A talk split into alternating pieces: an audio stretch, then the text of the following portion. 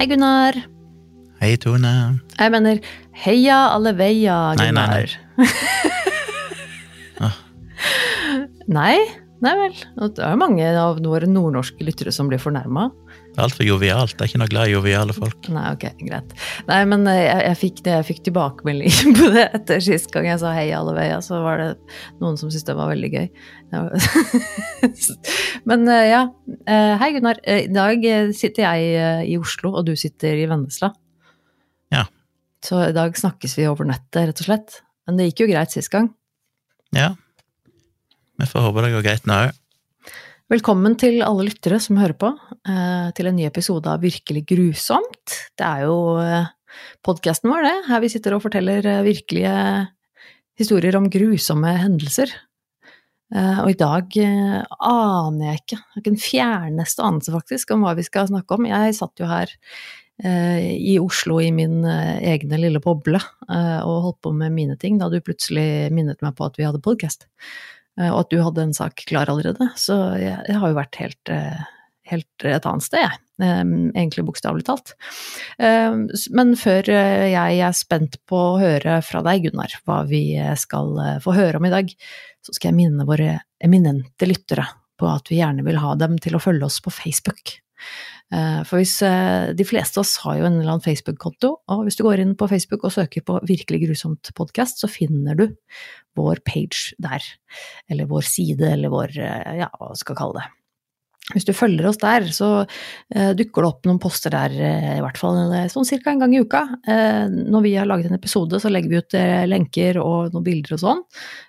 for de som har lyst til å gå inn og, og sjekke ut det. I tillegg så syns vi det er litt kult når dere går inn og legger igjen en kommentar der. Gjerne kanskje fortelle litt om deres perspektiv på episoden. Eller om dere vil bidra til en rating på grusomhetsskalaen vår. Det er jo også litt alltid interessant. Um, tillegg til det så har vi denne mailen vår som vi eh, fortsetter å gladelig motta tips fra dere på. Det er eh, virkelig grusomt. Alfakrøll. Gmail.com. G, sier du gmail? Eller gmail? Gmail. Gmail. Ja, okay. jeg sier Gmail, jeg er litt sånn international, skjønner du. Um, men da send oss gjerne tips til ting vi kan ta opp her, folkens. Og det trenger ikke å være true crime nødvendigvis. Det kan være ulykker, det kan være historiske hendelser, men uh, ja, det skal helst være en, en, grad av grusomhet i hendelsen, da, for at det skal passe inn. Men uh, ja, igjen takk for alle tips, folkens. Har du tatt uh, fra tipsbunken vår i dag, Gunnar? Ja, det Mm. er faktisk. Ja. Og det var et tips ifra eh, Sigve, Mm. som jeg fikk i, for et par dager siden. Ja, jeg Med så det tips. kom inn noe. Jeg tror ikke jeg lakk å lese det skikkelig. Jeg så det kom inn noe. Um, Mm. Så jeg jo tok den i full fart. Eh, og som med mange av disse historiene, så er det jo fort et sånn rabbit hole. Eh, og så vet jeg at eh, vi kan ikke snakke om for mye. Nei, vi har ikke evig med tid. Kunne ha gravd meg mye mer ned i det, og, funnet, for det var utrolig mye interessant informasjon, hvis en virkelig vil. Men dette blir jo den eh, jeg holdt på å si kortversjonen som du får i podkasten her, men vi legger jo ved linker så du kan lese mer sjøl hvis du vil. Og så før jeg begynner, så fikk jeg jo bare lyst til å nevne at eh, vi har jo passert en million Ja, downloads av denne podkasten. det stemmer det. Du sa det til meg her forleden. Det, høres jo, er høres ut som et stort tall. Det er jo ikke så imponerende sammenlignet med store podkaster, men eh, si for sånn. oss så er det en million. Det, det er litt absurd å tenke på at en million personer på et eller annet tidspunkt har hørt på Ja, for vil si Ikke en million er forskjellige, da, men eh, Ja, men det vil si at det er eh, at en eller annen At det er en av våre episoder som da er lastet ned på en eller annen enhet en million ganger. Altså hvilket som helst av, episode, av en episode. Ja, ok. Ja, det, det er jo rett og slett veldig kult, da. Det er jo altså en million, ja, det, er det, er, det er jo ganske mange, det. Jeg må si jeg syns det er ganske stas. Så dette blir uh, millionepisoden vår, for å si det sånn. Blir det egentlig det? Post, Postmillionepisoden. Ja. Episode ja, 94. ja. Oi, vi nærmer oss 100 òg. Oi, shit. Ja, det gjør vi. Ja, vi gjør det. Men ja, vi skal til en uh, historie her som uh, var ganske grusom, som Ja, seg jo håper hør og bør. Vi skal, holdt på å si, som vanlig til USA. Ja. Det er jo der alle de verste menneskene finnes, tydeligvis. Men Og vi skal til en uh, fyr som heter Oba Chandler. Jaha. Og vi skal tilbake til 80-tallet opprinnelig.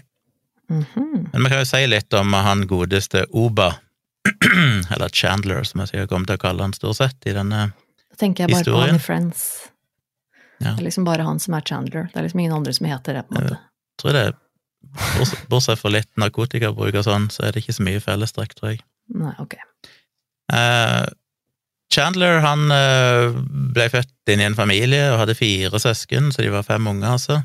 Mhm. Faren heter Oba Chandler senior, og mora heter Margaret Johnson, og vokste opp i Cincinnati i staten Ohio. Mhm. Men da han var bare ti år gammel, eller sju år gammel, som jeg leste en annen plass, så det, som vanlig så er det jo Mm. detaljer som ofte avviker litt avhengig av hvor du leser, men eh, da han var liten iallfall, i juni 1957, så eh, Det kan vi vel så vidt eh, regne ut, for han ble født i 1946, så ja Det er nok rett, rettere at han var ti år når dette skjedde. Eh, han ble født i 1946, det kan jeg jo nevne. Men da han var ti år Mm. gammel i 1957, så hengte faren seg i kjelleren på Oi leiligheten der de bodde, eller huset der de bodde. Nei. Så det ble jo sett på som en eh, Selvfølgelig en traumatiserende opplevelse for en liten gutt. Ja, det er det ikke noe tvil om. Og det ble jo eh, nevnt, uten at jeg har funnet mer info om det, at når de skulle begrave faren, så hadde visst Chandler som liten gutt hoppa opp i graven. Nei! Eh, Ja. Stakkar. Å, fy fader. Å nei. Å, det er hjerteknusende, ass. Men ellers så hadde han jo eh, en ganske brokete oppvekst. Han øh, begynte allerede i alderen av 14 år å stjele litt biler, Mm. og før han ble myndig, så hadde han allerede vært arrestert eh, 20 ganger. 20 ganger. Oi.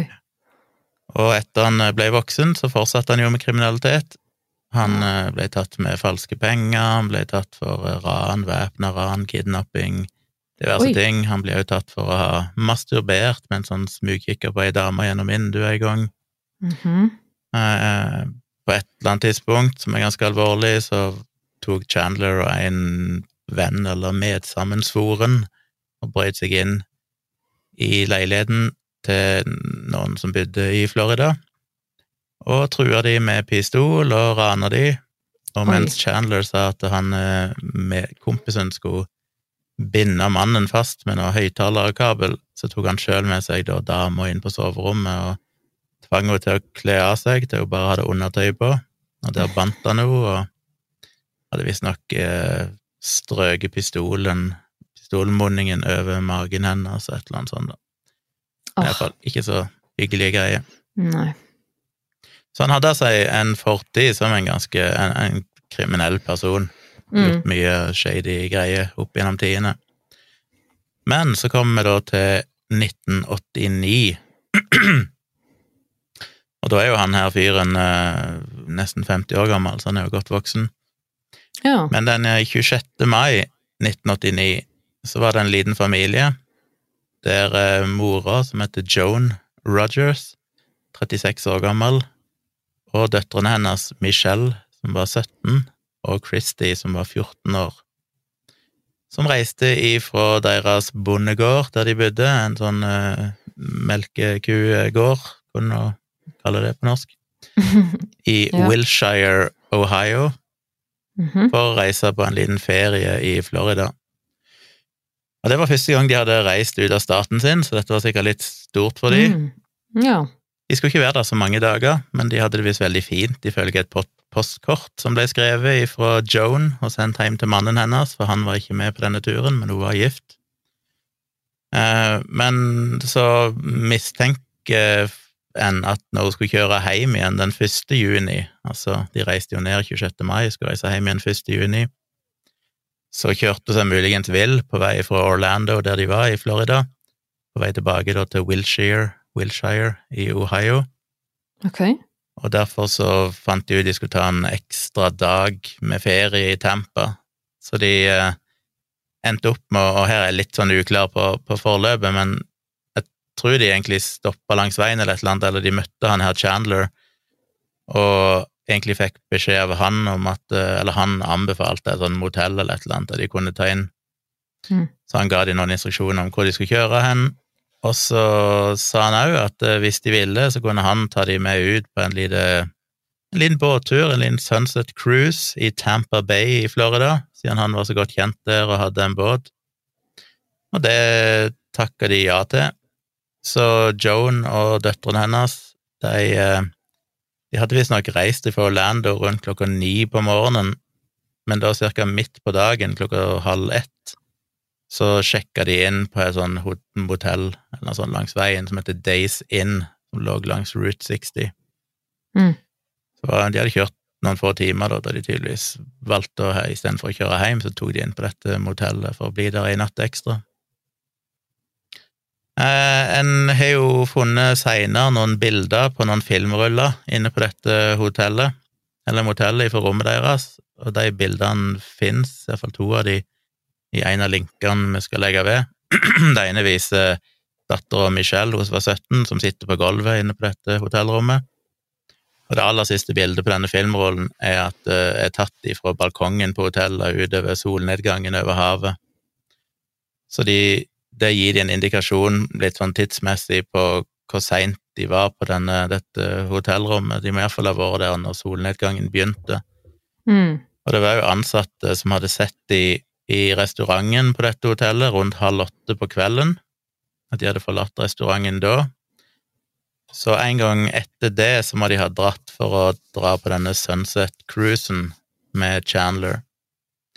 Og en antar at de da reiste til en eh, havn som heter Courtney Campbell Causeway, eh, eller i nærheten av, vet ikke, ja, som eh, er på sida av en eller annen veistrekning, en del av Route 60, mellom halv ni og ni på kvelden, så var en sein båttur.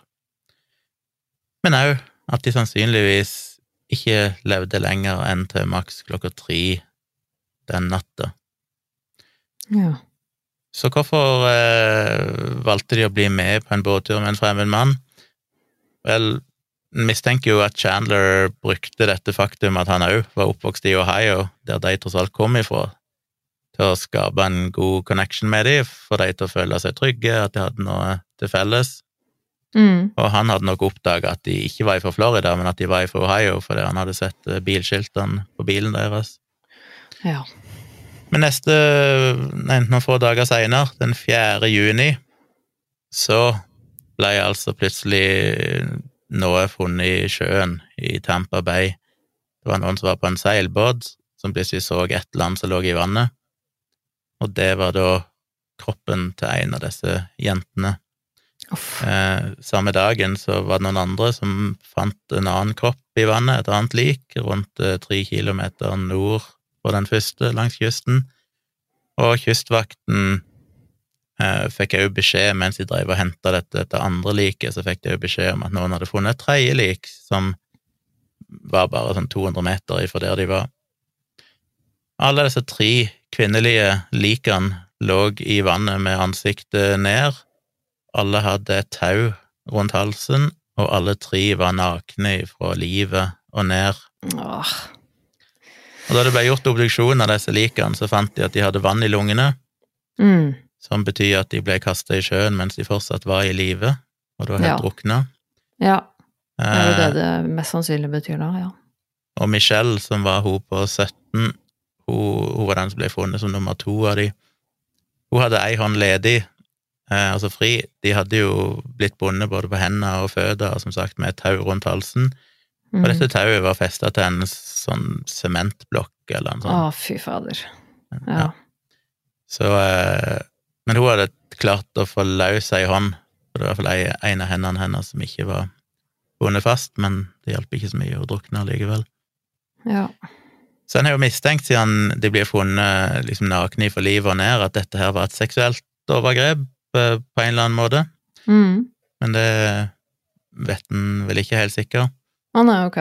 Men tanken var jo selvfølgelig å, å binde denne steinen eller denne her eh, sementblokka til halsen, var jo både selvfølgelig at de skulle synke og drukne, men òg at de skulle forhåpentligvis da havne på havets bunn og aldri bli funnet. Ja.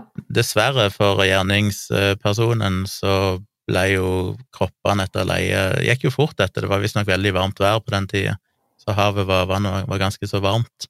Ja. Og det gjorde at de forråtelsesprosessen starta veldig fort, og de svulma opp, ikke sant, og så fløy de opp igjen ja, altså, til så var, var halsen brutt, da? Altså, Det er jeg veldig usikker på, det har jeg ikke funnet noen plass om, den, om de hadde så mye oppdrift at steinen hang fast i de fortsatt, eller om den Hmm, skar seg ja. gjennom nakken, og de ble Jeg har ikke hørt noe om at de ble funnet hodeløse, liksom. Så Nei, nei, det kan jo hende det. At, eh, for det er jo, under en sånn prosess så er det jo mye gasser som utvikler seg liksom, i kroppen eh, Ja. når den råtner, liksom. Så det kan jo hende at det faktisk At det ble så høyt trykk i den kroppen etter hvert at den faktisk klarte å flyte med, med den klossen. Det kan jo faktisk hende, det. Ja, pluss at eh, de visste jo tydeligvis at det var festa noen sementblokker.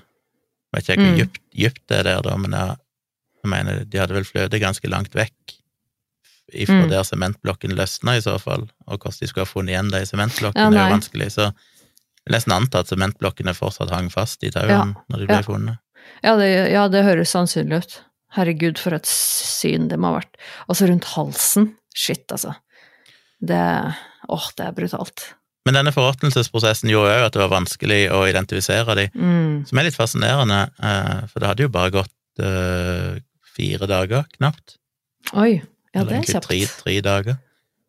Så det er rart Ja. at det hadde skjedd så mye med kroppene deres, men det tok over ei uke før de klarte å identifisere de, blant annet fordi at eh, da faren til disse jentene, eller mannen til hun Joan, en mann som heter Hal Rogers, han hadde jo da selvfølgelig rapportert de som savna, for han hadde ikke fått tak på de. Mm. Skal vi alltid huske på at uh, dette var i 1989, det er så lett i dag å tenke at med mobiltelefoner og sånn, men i den tida så var jo ikke det så lett. Nei, det var ikke vanlig ikke, å ha med mobiltelefon da. Nei, du hadde ikke kontinuerlig kontakt med folk. Det var liksom Det kan Mm. ta litt tid før du uh, Den 8. juni så var det ei som jobba som vaskehjelp på denne her hotellet, da, Days Inn, som sa at uh, rommet de hadde booka, hadde ikke blitt Eller hadde ikke vært noen der. Hun det var inne, og sengene hadde ikke blitt sovet i de siste dagene. Og da hadde visstnok mm.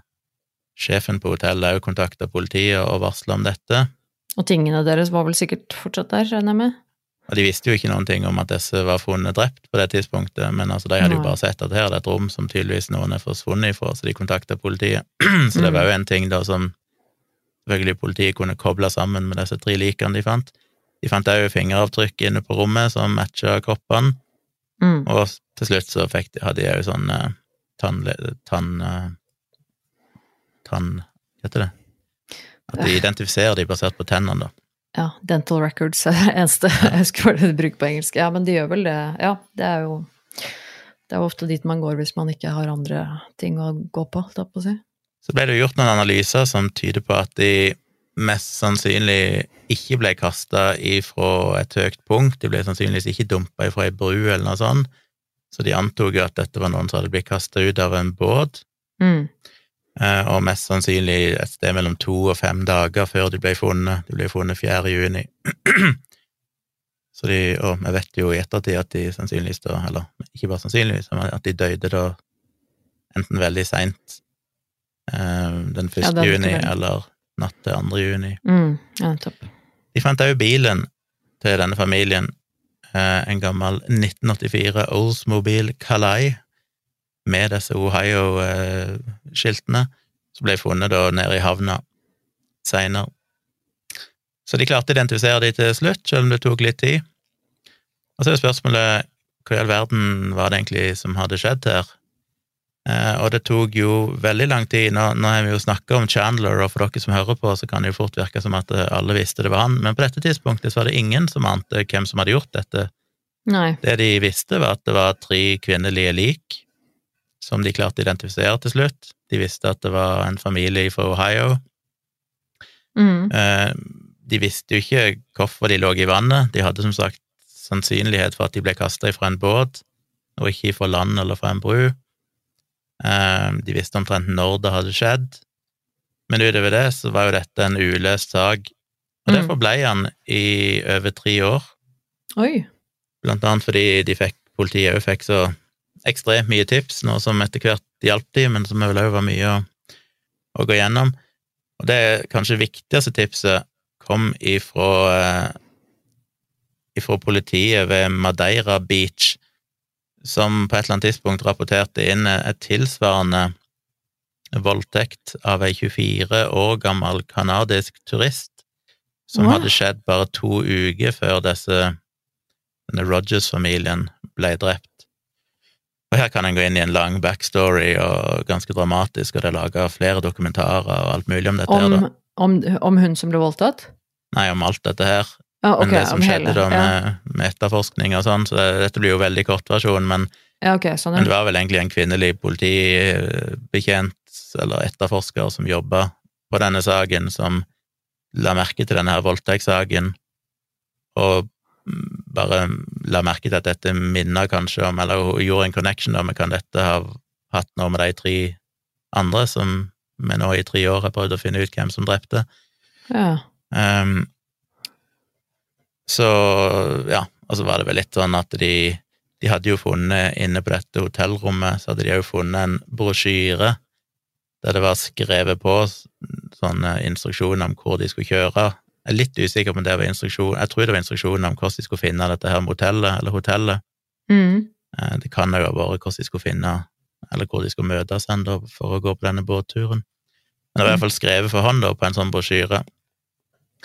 Og politiet brukte jo noen metoder de tidligere egentlig ikke hadde brukt. De satte jo opp sånn svære, eller de brukte de her svære reklametavlene langs veiene og i byene, og satte Mm. opp bilder av disse tre, eller de mora da, disse to døtrene, og de tok òg visstnok og eh, viste denne håndskriftet på sånne svære tavle ifra denne brosjyra, for de mistenkte oh, ja. da at dette må være sånn, eller en viss fare for at det er gjerningsmannen som har skrevet dette, Oh, ja, yes. Og forklarer de liksom hvor de skulle kjøre hen. De det er visste at det sånn- var ikke, det var ikke håndskriftet til noen i den familien. Nei, nettopp. Jeg føler, føler det er sånn longshot, at noen skal Sjansen Ja. for at gjerningsmannen selv bare 'Å ja, det er min håndskrift, det er jeg som har gjort det', det er jo ganske liten. Så jeg tenker sånn, jeg føler det må være veldig longshot og, og liksom satse på at det håper at kanskje noen andre kjenner igjen gjerningsmannens håndskrift. Det virker jo veldig, veldig rart, men det viser seg til slutt at uh, en tidligere nabo Ja, nei, hadde faktisk eh, Jeg er litt usikker på hendelsesforløpet igjen her, for at, uh, i en artikkel så står det at det var en tidligere nabo som hadde en, en sånn et eller annet i forbindelse med noe jobb han hadde gjort, en sånn kontrakt eller et eller annet han hadde signert eller skrevet på. Eh, om det var noe som han hadde kjent igjen håndskriftet på og kontakta politiet. En annen plass så virker det mer som at det var hun etterforskeren Mm. som sa at eh, hm, kan denne her voldtekten av denne kanadiske turisten være samme sak? La meg eh, se om eh, Ja, hvordan var det? Var Nei, jeg husker ikke helt. Nei. Jo, for det, han ble vel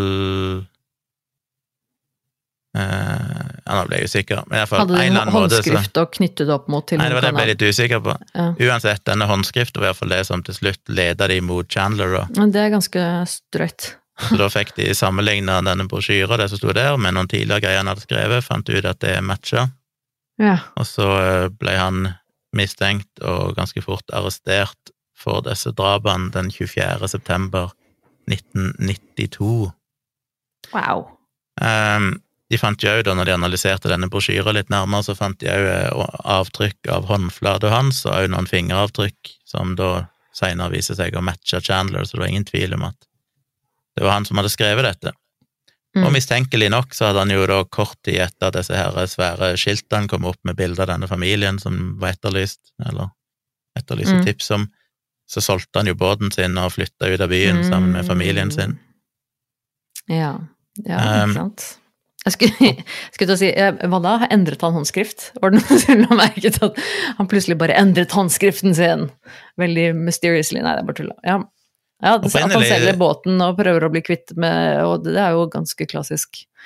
Mm. Opprinnelig så trodde etterforskerne at det måtte ha vært to menn involvert i, i denne saken, Mm. fordi at, eh, og det ble visstnok laga en dokumentar i, eller en episode av en eller annen sånn TV-serie i 1991 som heter Unsolved Mysteries, og da skulle de liksom gjenskape det de kanskje trodde hadde skjedd, og da brukte de på en måte to menn, Ja. for det var jo et år før han faktisk ble tatt, men eh, Mm. Så de trodde det var to menn, og det var mye på grunn av at de mente vel at én person sannsynligvis ikke ville ha prøvd seg på liksom tre ofre Ja. alene og litt sånne ting. Mm. Ja, det kan jeg tenke meg. Men de har jo aldri noensinne funnet noe bevis for at det var noen andre involvert.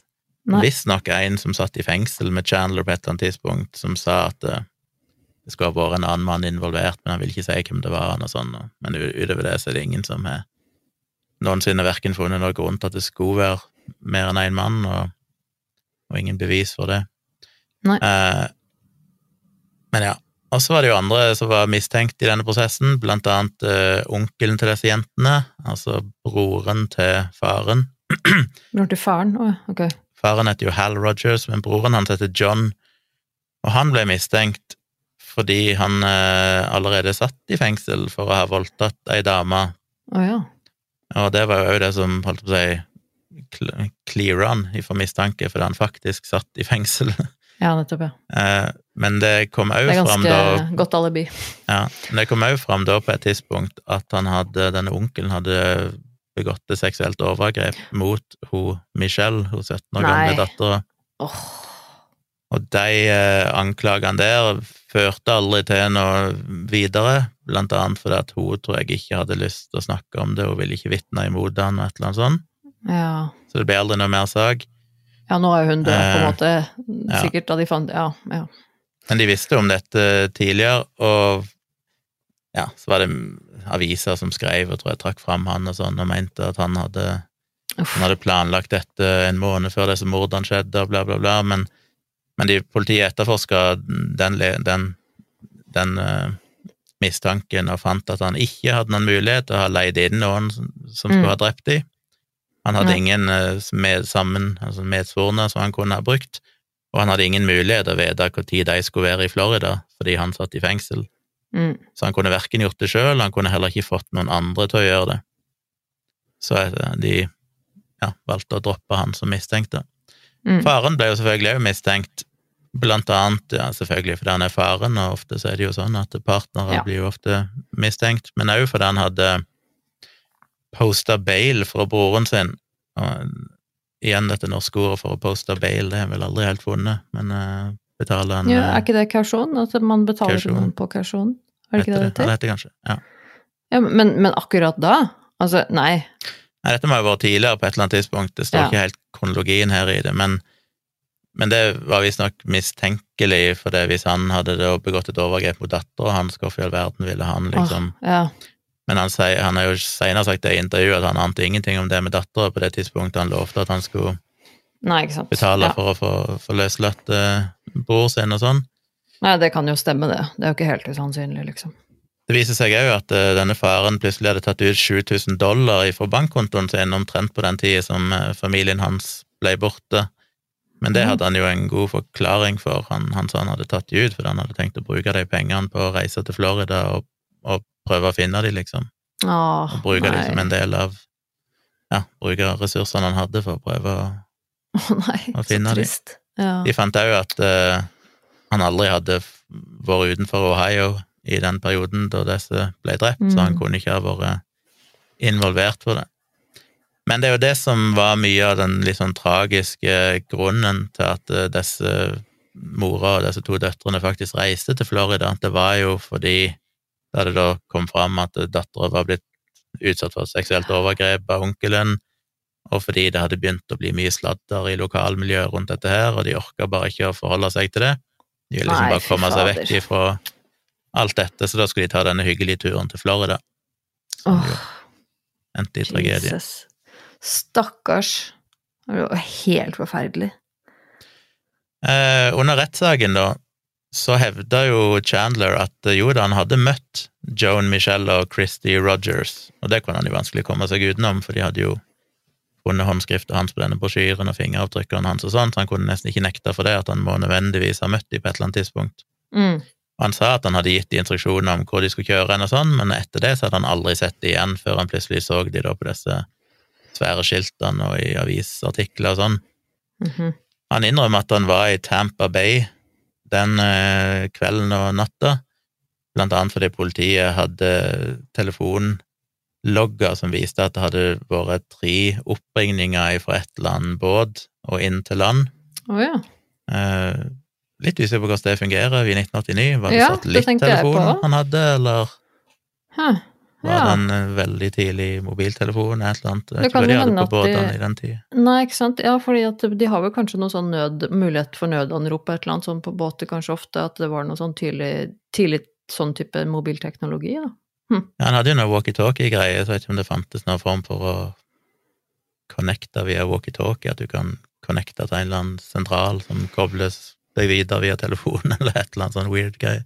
Anyway, de visste iallfall at det hadde vært tre oppringninger, så han måtte ha vært der han hadde identifisert seg, eh, eller iallfall visste det var hans båt, Ja. så han måtte ha vært i båten nede i det området.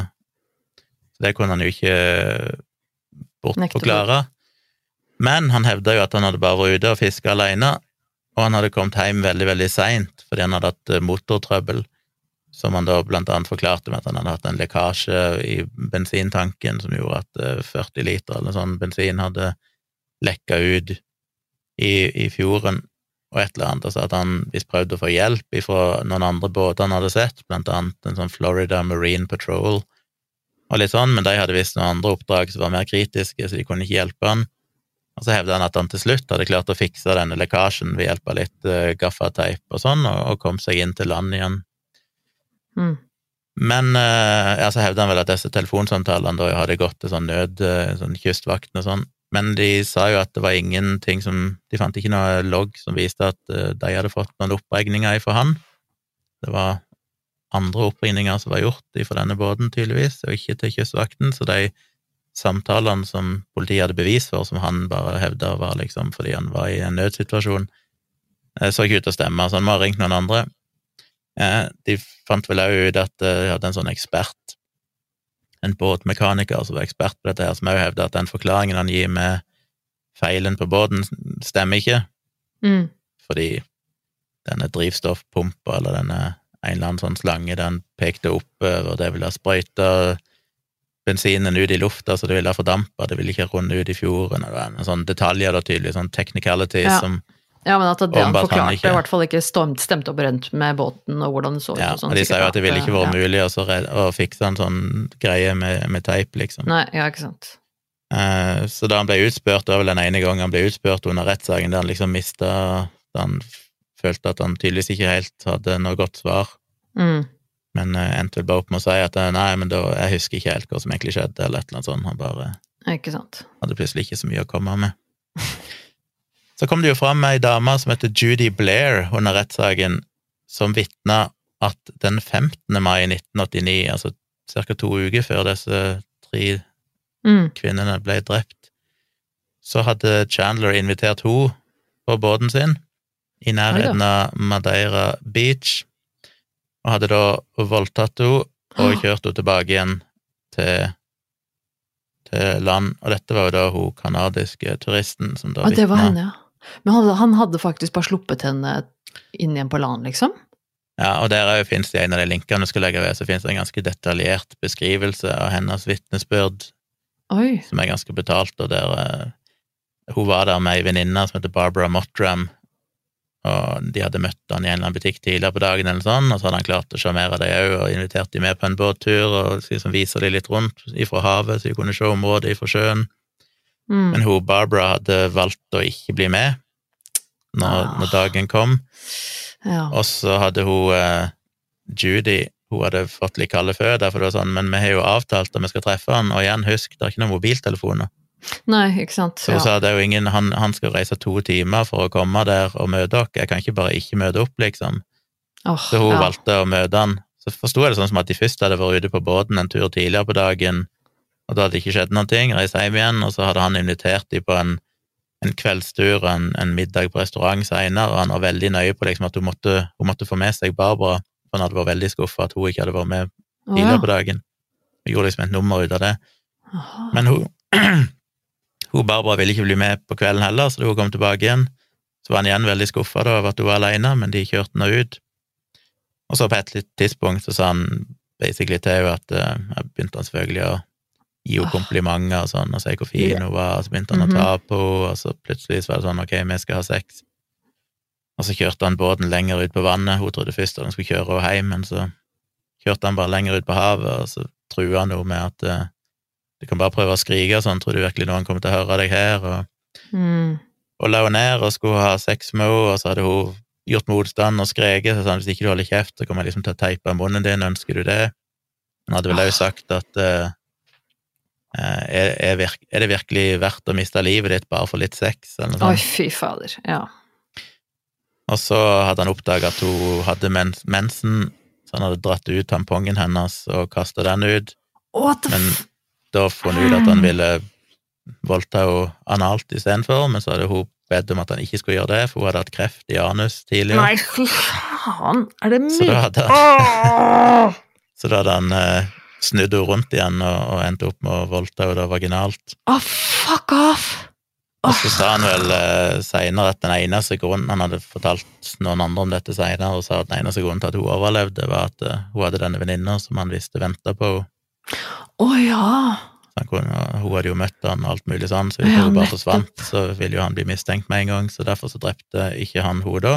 Men han turte liksom å voldta henne og Likevel, altså det Men var liksom sånn veldig naiv, for det var sånn, ok, jeg, jeg vet du kommer til å si dette til folk, men eh, ja, hva var det han sa? Det var en plass jeg leste noe om at han hadde Det, det virka så utrolig banalt at han sa jeg vet du du kommer til å varsle om dette her, men gi meg litt tid til å i hvert fall få besøkt min gamle syke mor først, eller et eller annet sånt. Nei, Det var sånn rare greier.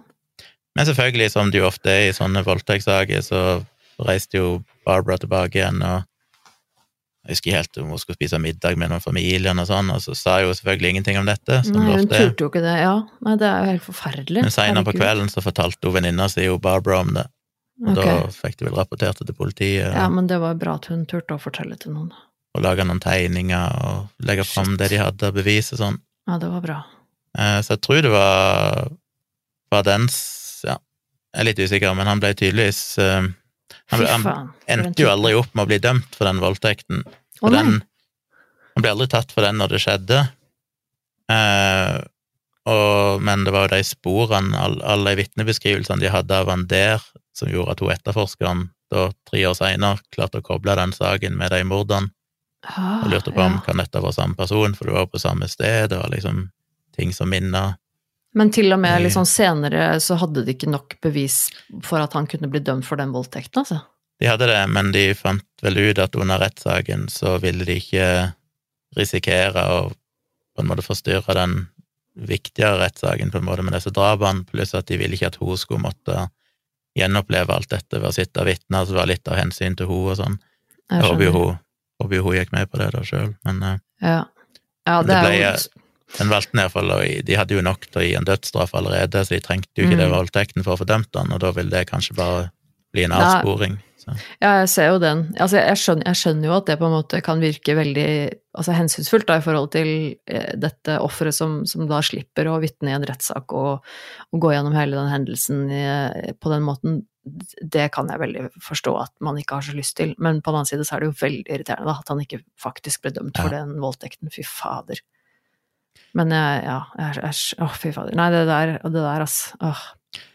Det rare med han Chandler er jo at eh, det kom jo fram etter hvert at han var jo ikke så veldig hemmelighetsfull om det han hadde gjort. Oh, Han hadde jo en, eh, en ansatt, han jobba jo i en eller annen sånn aluminiumssmelteverk eller et eller annet sånt, Mhm. og det var en eller annen ansatt han hadde vært ute og kjørt med, og så hadde han pekt bort på Tampa Bay og sagt ja, der hadde han ofte liksom plukka opp damer, og så sa han vel sånn direkte at han hadde hatt sex med noen der mot deres vilje og sånn. Nei, hva faen? Og så den dagen han skulle ut og møte disse tre, denne, ja, på Mm. denne cruiset, så hadde han jo sagt til en, en ansatt at han skulle måtte gå for jobb, for han skulle date tre damer den kvelden nede ved Nei, havna. hva fader? Uh, han er jo benekta alt dette senere sjøl og sier nei, han har aldri sagt det, og bla, bla. Men Ja, eh, det er flere vit vitner på det, da. Tydelig ikke så forbanna smart heller, da, tydeligvis. Altså, hva Nei, han, han klarte jo til og med, og her òg finnes det masse informasjon jeg kan lese, da, men kortversjonen er at han hadde jo flere døtre, muligens tror jeg med forskjellige mødre. Å nei. Eh, og det var, det var vel et eller annet med en ene datter og eh, ja, Han stakk vel av, tror jeg, ganske kort tid etter hun ble født, men så klarte hun å finne han igjen i voksen alder ved hjelp av en privat etterforsker, og så reconnecta de litt og sånn en periode og greier. Jeg lurer på om det var hun som heter Krystall, Crystal May Sue, ok. og hun For de fikk jo et ganske nært forhold eh, etter hvert når hun var voksen. Men da hadde jo han klart å prestere og si til hun at eh, han måtte ha hjelp med å, å selge båten, eller det var om å flytte, eller hva det var for noe, fordi at politiet eh, ja, var liksom på jakt etter han for drapet på tre damer. Ja vel. Og det bare sa han til hun. Men han Nei, sa aldri faen. liksom at 'men jeg er uskyldig anklaga', eller 'dette har jeg gjort'. Han sa aldri noe sånt. Hun har jo er senere sagt at han sa jo ikke direkte at han hadde gjort det.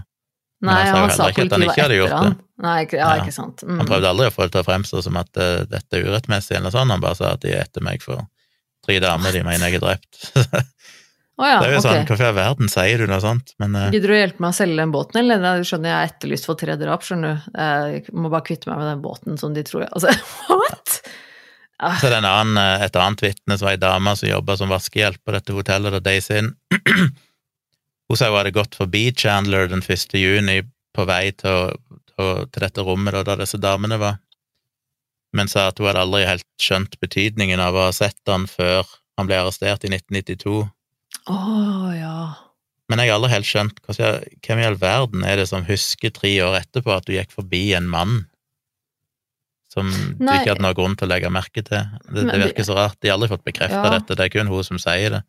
Ja, nei, altså, og det kan jo selvfølgelig hende hun husker feil. Ikke sant? Vi vet jo alle hvor, eh, hvor feilaktig hukommelsen vår er, og hvordan det fungerer. At det kan godt hende hun så bildet av han på et eller annet tidspunkt, og så måtte innbilte seg at hun hadde sett han, det vet vi jo ikke. Men, men det kan jo hende at, at hun faktisk så han der. Altså, hvis, Selvfølgelig kan det være, liksom- hvis- Men det bare virker veldig rart.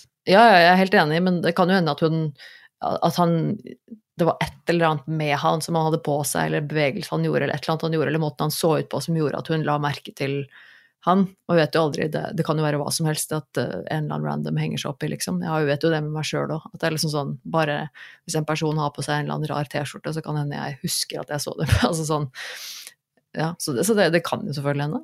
Og det, er, Ja. for, det må være litt av, en, eh, litt av en følelse, da. Men tenk om det stemmer, da. Og så, du, og så, og så liksom kommer du på det etterpå, når du ser at liksom han Mm. hadde drept tre stykker, og så bare å, shit, det var han jeg så ut av. Å, det må være ekkelt, ass.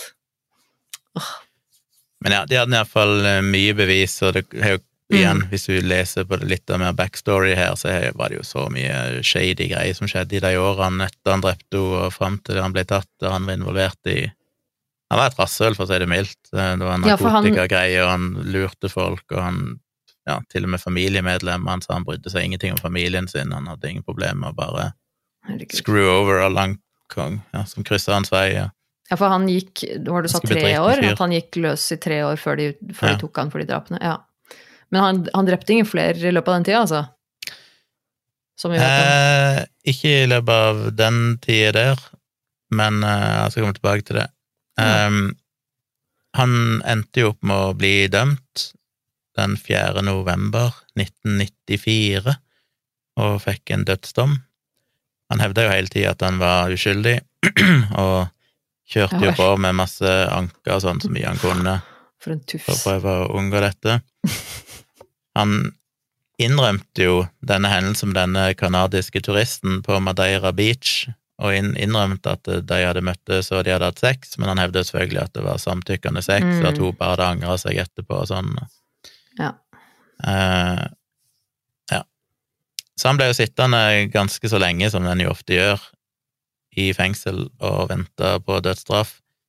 Han, eh, Kona hans uh, søkte jo om skilsmisse rett etter rettssaken, rett etter han ble dømt, og de ble skilt et år seinere, da. Mm. Og hun, han fikk heller ikke lov å se en av døtrene sine, ei som heter Whitney, fordi mora hennes, da, eller ekskona hans, ønska ikke det, og hun hadde òg fått innvilga et ønske om at han heller aldri skulle få se noen bilder av dattera si seinere. Mm. Eh, I 2008 så ble han satt på ei liste, en sånn shortlist, over de som er prioritert for å bli henretta.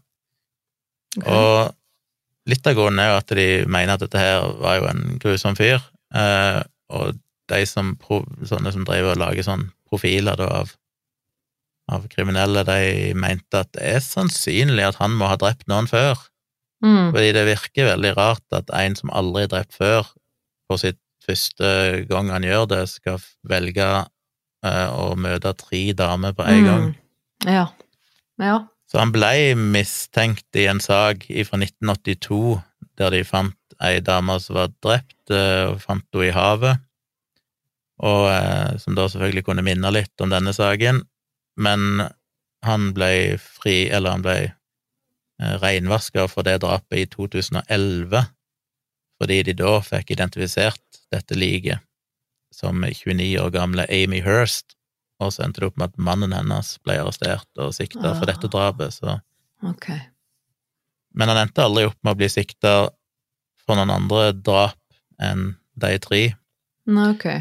Men han ble eh, regna som en av de verste kriminelle i Florida, Mm. og eh, ja, det ble jo gjort en del sammenligna mellom en sånn annen kjent sak, visstnok i Florida, Kayleigh Anthony, som jeg ikke kjenner til sjøl, men poenget var at det var så mye medieoppmerksomhet rundt denne saken og sånn, at de endte opp med å måtte hente jurymedlemmer fra andre stater, fordi de Ja. mente at du kan ikke ha folk i Florida fordi at de er for biased, liksom, på grunn av Mm. media.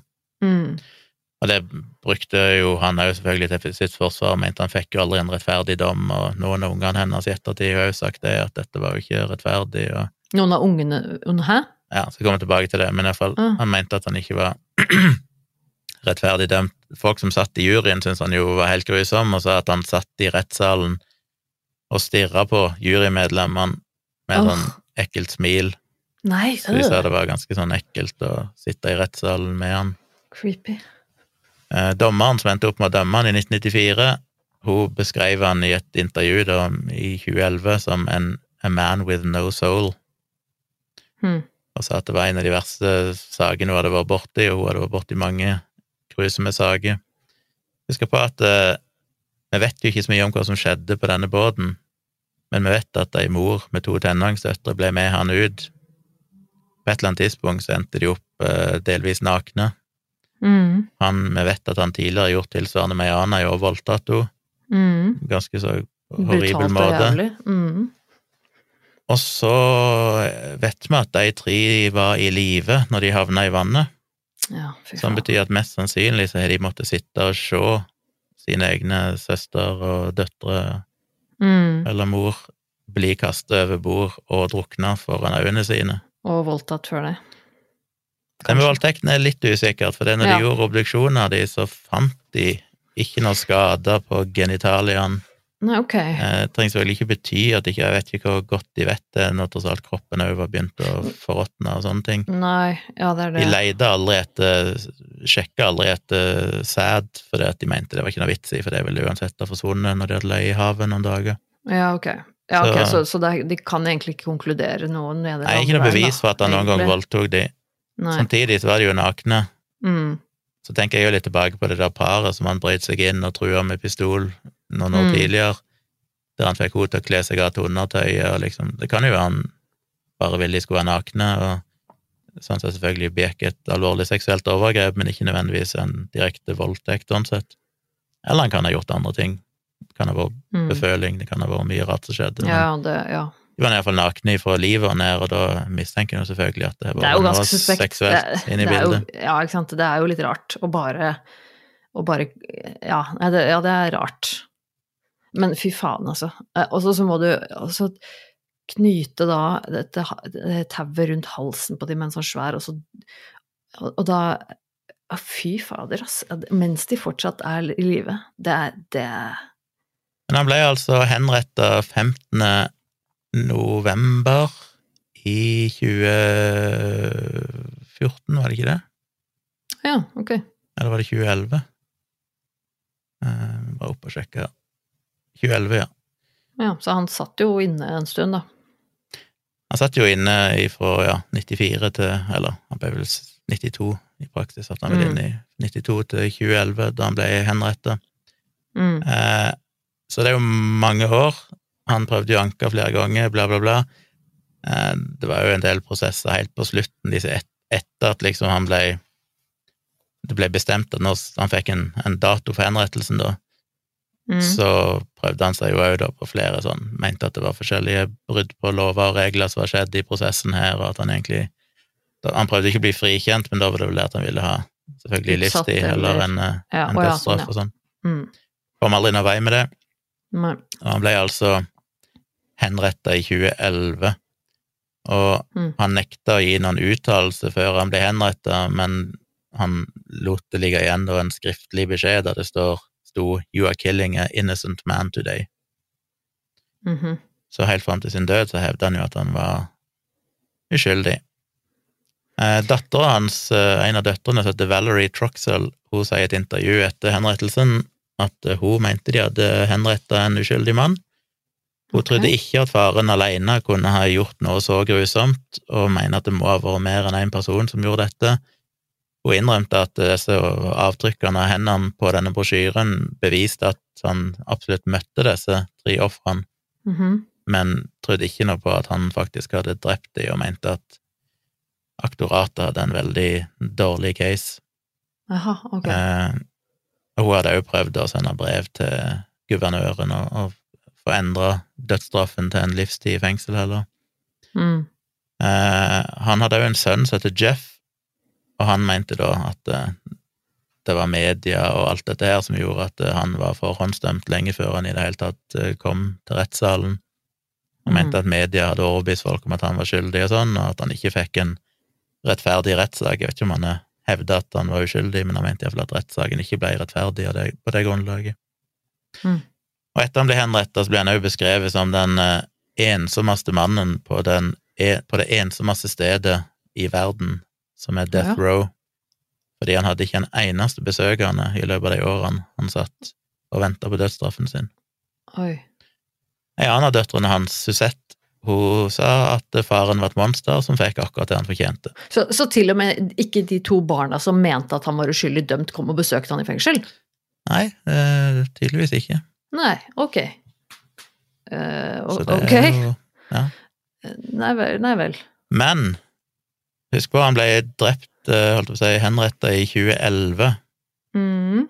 Men 25. februar 2014 så fant etterforskere DNA-bevis som identifiserte Chandler som morderen av ei 20 år gammel dame som Oi. heter Ivelis Berrios Begueris, som ble voldtatt og kvalt i Coral Springs i Florida i 27. november 1990.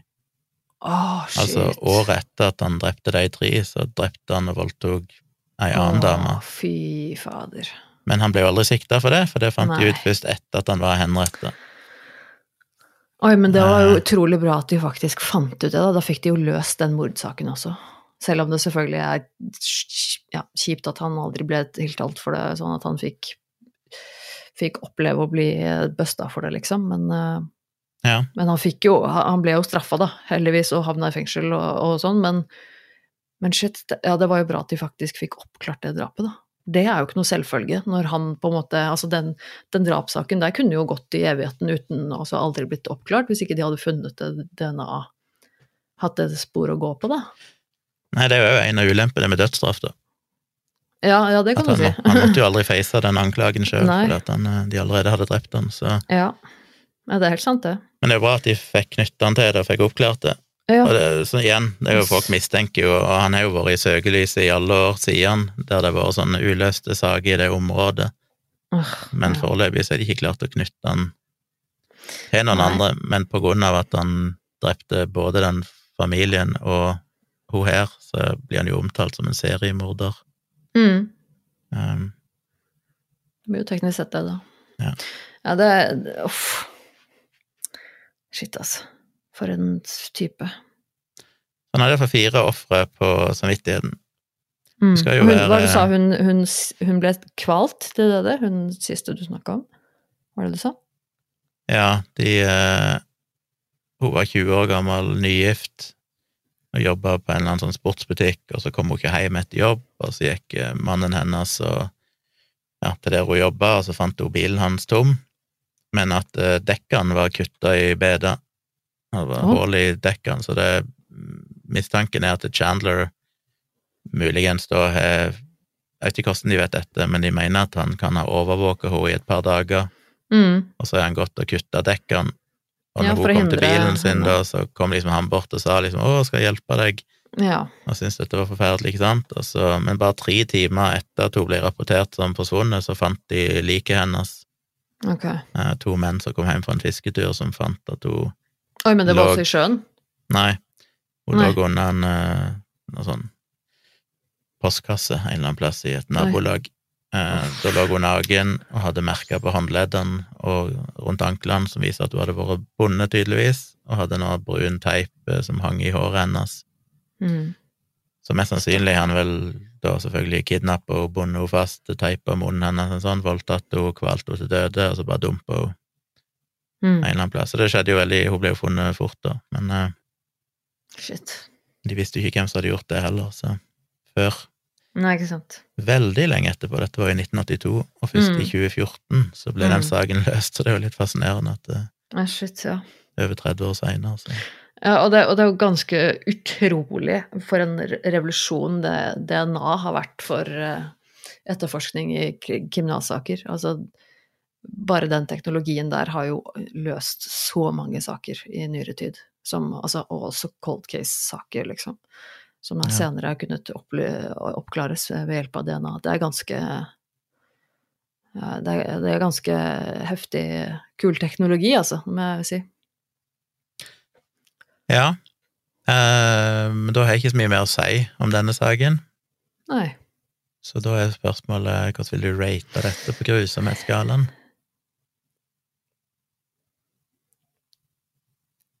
Ah. Ja, det uh, Ja, ganske jævlig. Jeg, jeg kjenner at jeg blir litt nysgjerrig på han, da. Jeg skulle ønske jeg fikk eh, vite litt mer om han, jeg. Jeg blir jo alltid litt uh, nysgjerrig på folk som er så så, holdt jeg på å si, ødelagt i hodet sitt, for å si det veldig ukorrekt. Da Eh, på den ene linken vi legger ut, så ligger der linka videre til en sånn avisreportasje som besto av mange deler og mye tekst, ja. som jeg ikke orker å lese gjennom, for det blir for mye. Men hvis noen virkelig vil gå inn i den saken og lese en sånn skikkelig velformulert, god eh, reportasjesak, der de Mm. går inn i liksom alle detaljene, alt de vet rundt eh, denne familieturen, og hvordan de hadde det i Florida mens de var der, og sannsynligvis mer om bakgrunnen hans òg, så kan de vel lese Mm. den.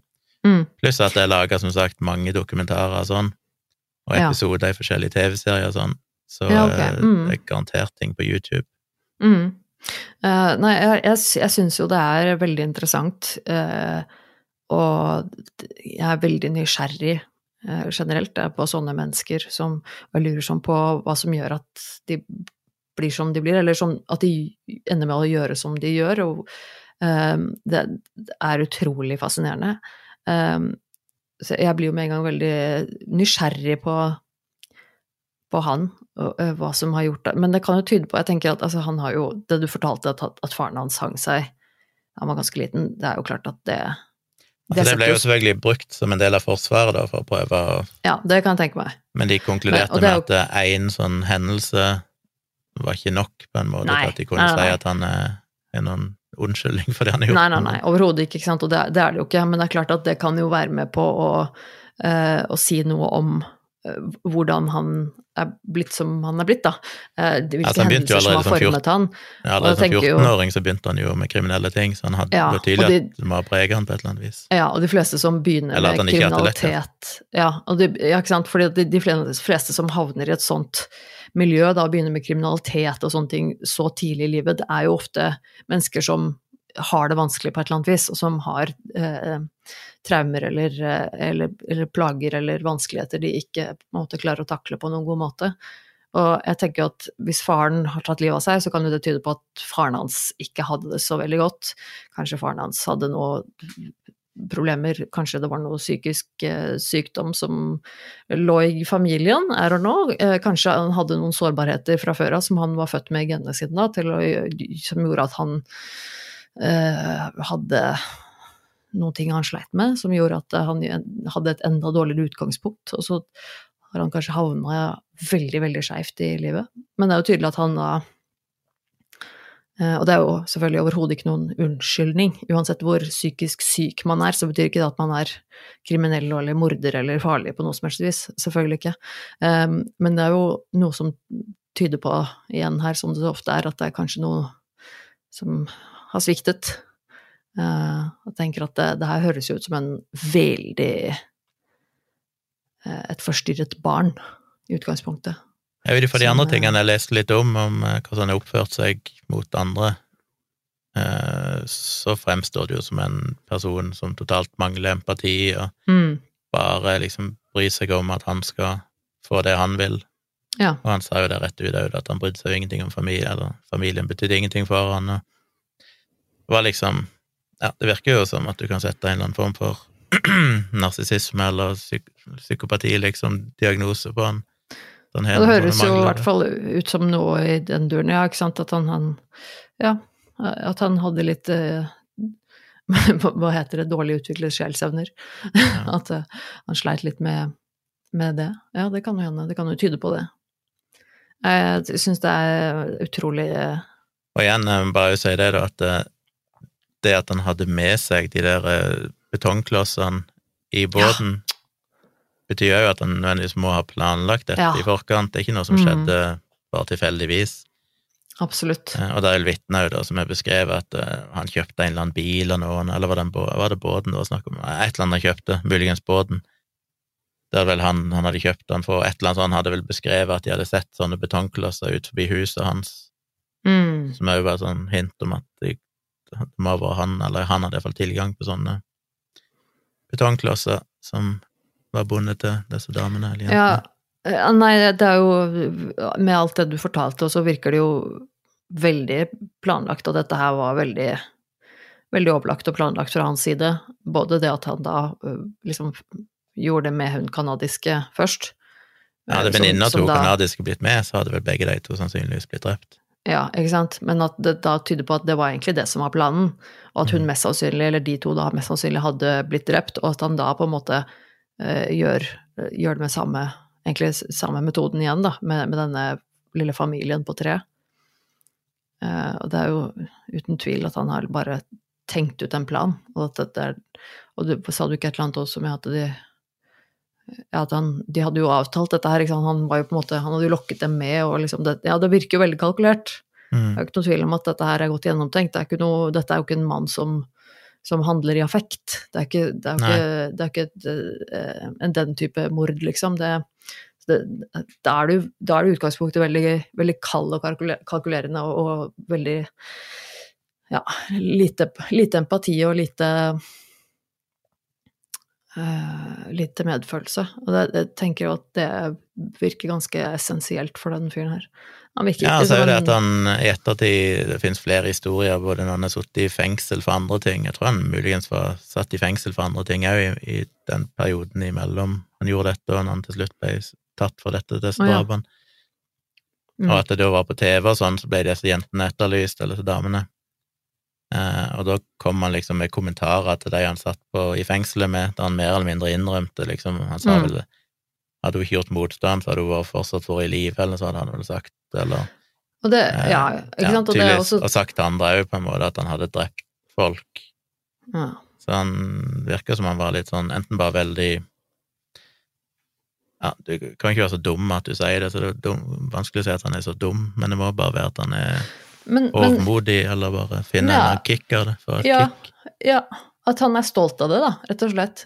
Og det, det kan jo hende. Uh, at han egentlig var ganske stolt av det, at han syns det uh, Og det er jo ikke helt uvanlig at man Det, det er jo grunn til at man uh, ofte ser det i, i andre kjente saker, seriemordere også, ikke sant. Mennesker som, som dreper mange mennesker, og som gjør en greie ut av det, som har et veldig grandiost syn på seg selv, og som er veldig, veldig narsissistiske. De vil jo nærmest bli tatt fordi at de, de, vil at alle skal se at det er jeg som har gjort dette. Jeg, dette er verket mitt, jeg er stolt av det. Um, så det er, det er, jo helt en sånn forvrengt narsissisme uh, som, som, jeg tenker at det, det, er jo ikke så uvanlig. Han, det, og det kan nok hende at han syntes det var fett å skryte av det til de andre på i fengsel, liksom. At oi, sjekk, nå er saken, den saken der, det var, det var meg. Um, det, ja, det, det kan jeg, jeg har lett å se for meg at det kan nok stemme. At han er en sånn type. Det er ganske ja. utrolig. Um, ja. Ehm, er det en rating? Ja. Um, uh, ah, for en drittsekk. Uh, Sju? Åtte? De ble ikke heldigvis for ja, altså, Det er ikke så mye tortur og sånn inne i bildet. De, jeg kan jo håpe at de døde ganske fort, de folka her. Eh, og så videre sånn. Vi har jo vært eh, Vi snakket om verre skjebner, men det er jo det er ille, nei, det er flere folk Jeg vet ikke. Nei, sju. Jeg tror det er sju. Ja, for meg er det vanskelig å forstå hva som skjedde på båten. Det ble jo ikke funnet noe i obduksjonen, så fant de vel ingen tegn på vold eller noen ting. Ei heller seksuelle overgrep. Men jeg tviler på at han drepte de bare for å drepe de. Han drepte de vel for at han først har gjort noe med de som han ikke vil at de skal sladre om. Så det må jo ha vært- Det må jo ha vært noe seksuelle overgrep inne i bildet, at han tafsa på kanskje de unge jentene eller sånn, som igjen ville vært et grovt lovbrudd. mm. Og så bare Ja, gudene vet eh, Også det du han, sa ta- hun, med hun kanadiske turisten tvang han jo først til å gi seg en blowjob, så det kan jo selvfølgelig ha skjedd, at han tvang de til å suge han, eller et eller annet sånt. Ja, og sikkert fått ganske kick av den makten. Uh, og, og, og, sikkert, og litt sånn det der du snakket om tidligere, han hadde drevet med også hadde, at det begynte med at han ranet folk og truet dem med pistolen og fikk dem til å kle av seg og sånn, så jeg kan tenke meg at han er sånn type som fikk skikkelig kick av å kjenne på den makten. Men det er vanskelig å tenke seg at han bare tok de ut på båttur, og så plutselig sånn, ja, nå skal jeg drepe de, så hiver de på vannet. Han må jo ha gjort noe med de først. Jeg vil jo tro det. Og det er litt sånn med hun, kanadiske, at eh, Mm. han ville jo ha drept henne, med Mm. mindre hun hadde hatt ei venninne på land som venta på henne, så det virker jo som at han brukte det med å drepe for å skjule Ja. fjerne vitn, sine vitner, da. Så det må ha skjedd grusomme ting på den båten, Og, og, i tillegg til og- at og- de måtte se hverandre dø og sånn. Ja, og det er akkurat det. Altså bare sitte i den båten, da, og, livredd og helt uh, Det verste du kan tenke Altså, og sitter du der med Det er en mor og, og to barn, og så må du på en måte se på dine egne familiemedlemmer få knyttet en svær steinen stein rundt halsen og dytta over bordet. Altså, det Ja, det er brutalt, ass. Det er skikkelig brutalt. Ja. Uff. Så nei, det er vanskelig. Jeg jeg er jo Jeg gir den en sjuer, jeg òg. Mm. Ja. Jeg er spent på Relativt sett. Eh, Det var en interessant historie. Jeg er spent på hva lytterne våre syns. Eh, Gå gjerne inn på Facebook, folkens, og kommenter på posten vi legger ut. Om, eh, om du hadde hørt saken før, og eventuelt hvor du ville rangere den på din egen grusomhetsskala. Alltid interessant å høre. Takk Ja. for uh, spennende historie. Jeg har ikke hørt denne her før, Gunnar. Det øh, for en type. Eh, ja, nå skal jeg gå og lete meg opp litt og sjekke de kildene, og så skal jeg lage noen bilder og litt sånn. Eh, jeg holdt på å si jeg er spent på å se trynet til han fyren der, jeg. Lurer på åssen han ser ut. Jeg klarer ikke å se han for meg inni hodet mitt. Så jeg må, jeg må sjekke ut noen bilder og, og ja. Det er noen bild, lenkene. bildegallerier i den ene artikkelen, der du kan Mm. se bilder av ja, disse fotoene som de fant på hotellrommet, og bilder av bilen hennes som, sto, som de fant seinere, Ja. masse bilder av han fra alle hans mugshots opp gjennom årene, fra han var en ungdom og fram til han ble ja, det kan jeg tatt for det siste, så er det jo ganske mange politibilder av han. Mm. Det var jo disse tegningene som ble laga for å prøve å finne han, eh, oh, ja. som vel var etter den voldtekten da av hun kanadiske, for de hadde jo selvfølgelig ingen tegninger Ja, eller vitner etter den, de drapene. Skjønner. Eh, ja, Ja, masse skal bilder. Jeg skal dykke litt ned i det, og vi lenker jo til eh, det, og diverse lenker også følger med shownotes til episoden, folkens, så det er bare å dykke ned for dere som har lyst til det. Til det. Ja. Um, eller så fortsett å sende oss eh, tips på virkeliggrusomt at gmail.com for de som har en historie som denne, eller kanskje en annen hendelse. Så mm. send det inn til oss, det setter vi stor pris på. Dette her var jo også et tilfelle av, eh, av der vi plukket fra den eh, mailbunken vår. Eh, Så fortsett med det, folkens. Det setter vi pris på. Og jeg er veldig glad for at det er folk som har lastet ned podkasten vår en million ganger. Det er ganske kult. Som jeg sier, det er ikke for jeg er jo superglad for alle tips vi får, så det er ikke å være redd for å sende tips, men vi har fått en del tips i det siste som er saker vi allerede har hatt en episode om. Oh, ja, det er jo Så det er nok sånn. en del som kommer inn og begynner å høre nå, men de går ikke Mm. tilbake igjen og hører fra episode én, og så vet de ikke at vi allerede har tatt det, så Ja. Det er selvfølgelig forståelig, for det er ikke alltid like lett å skjønne det ut ifra titlene og sånn, hvis ikke du Mm. har hørt episoden, men det er jo et tips sant, om å gå tilbake igjen og hør eh, ifra episode én. Vi har jo noen av de mest populære episodene, var jo tidlige episoder òg, Mm, så uh, gjør gjerne det. Uansett. absolutt. Men hvis ikke du gidder det, så send tipset. Det er ikke verre enn at jeg bare ignorerer det hvis vi har hatt det før. ja, det, det er helt sant. Uh, vi shamer ingen her, så vi skal ikke drive og henge ut folk som, uh, som sender tips som vi allerede har hatt, eller vi gjør ikke det, altså. Det går helt fint. Eller sende tips for mye enn et for lite. Ja. Og så kan du følge meg i sosiale medier. Jeg heter Tone Sabro på sosiale medier, hvis du vil følge meg der. Jeg har også en Jeg må bare våge meg på å plugge kjapt min YouTube-kanal, som også heter eh, Tone Sabro. Jeg har lagt ut en video senest i går eh, som, er, som ble ganske artig. Litt av mine seneste shenanigans eh, som jeg har drevet med, og med tatovering på både mage og kne og alt. Så sjekk gjerne ut kanalen min, folkens. Og hva med deg, Gunnar? Du plugge Ja, deg jeg selv litt? heter jo eh, Civix de fleste plassene. C-I-V-I-X. Mm. Så følg meg gjerne på Instagram eh, og Twitter, for den saks skyld. Og så driver jeg jo litt med fotografering og sånn, så hvis eh, noen eh, ønsker fotograf, skal du gifte deg til sommeren, eller noe sånt Mm. Eh, Jeg skulle akkurat så, å si det, faktisk. Hvis noen trenger en fotograf til et eller annet, så sjekk ut bildene til Gunnar, for du er Det kan være utdrikningslag, det kan være konserter, det kan være portrettbilder, whatever du skulle trenge. Mm. Sjekk ut bildene mine på qualia.no, Mm. som er Q-U-A-L-I-A.no. Måtte Ja. tenke litt. Qualia. Som er firmanavnet mitt til fotobusinessen. Ja. Der finner du masse bilder jeg har tatt, både bryllup og alt mulig annet. Og hvis du liker det, så kan du jo sende meg en henvendelse, skulle du ønske. Men eh, jeg heter vel òg Qualio Photo på Instagram, hvis du vil. Mm, ja. Ikke, ikke lagt ut så mye der ennå.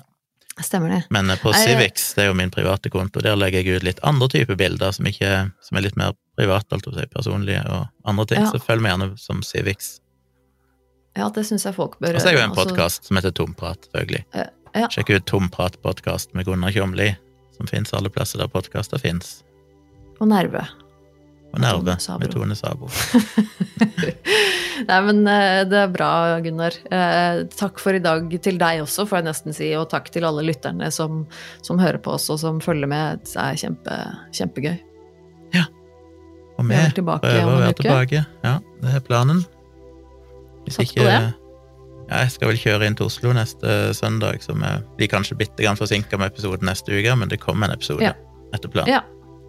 Ja, men det, det gjør det nok. Men da, da vet folk det i hvert fall at det er mulig den blir ørlite grann forsinket.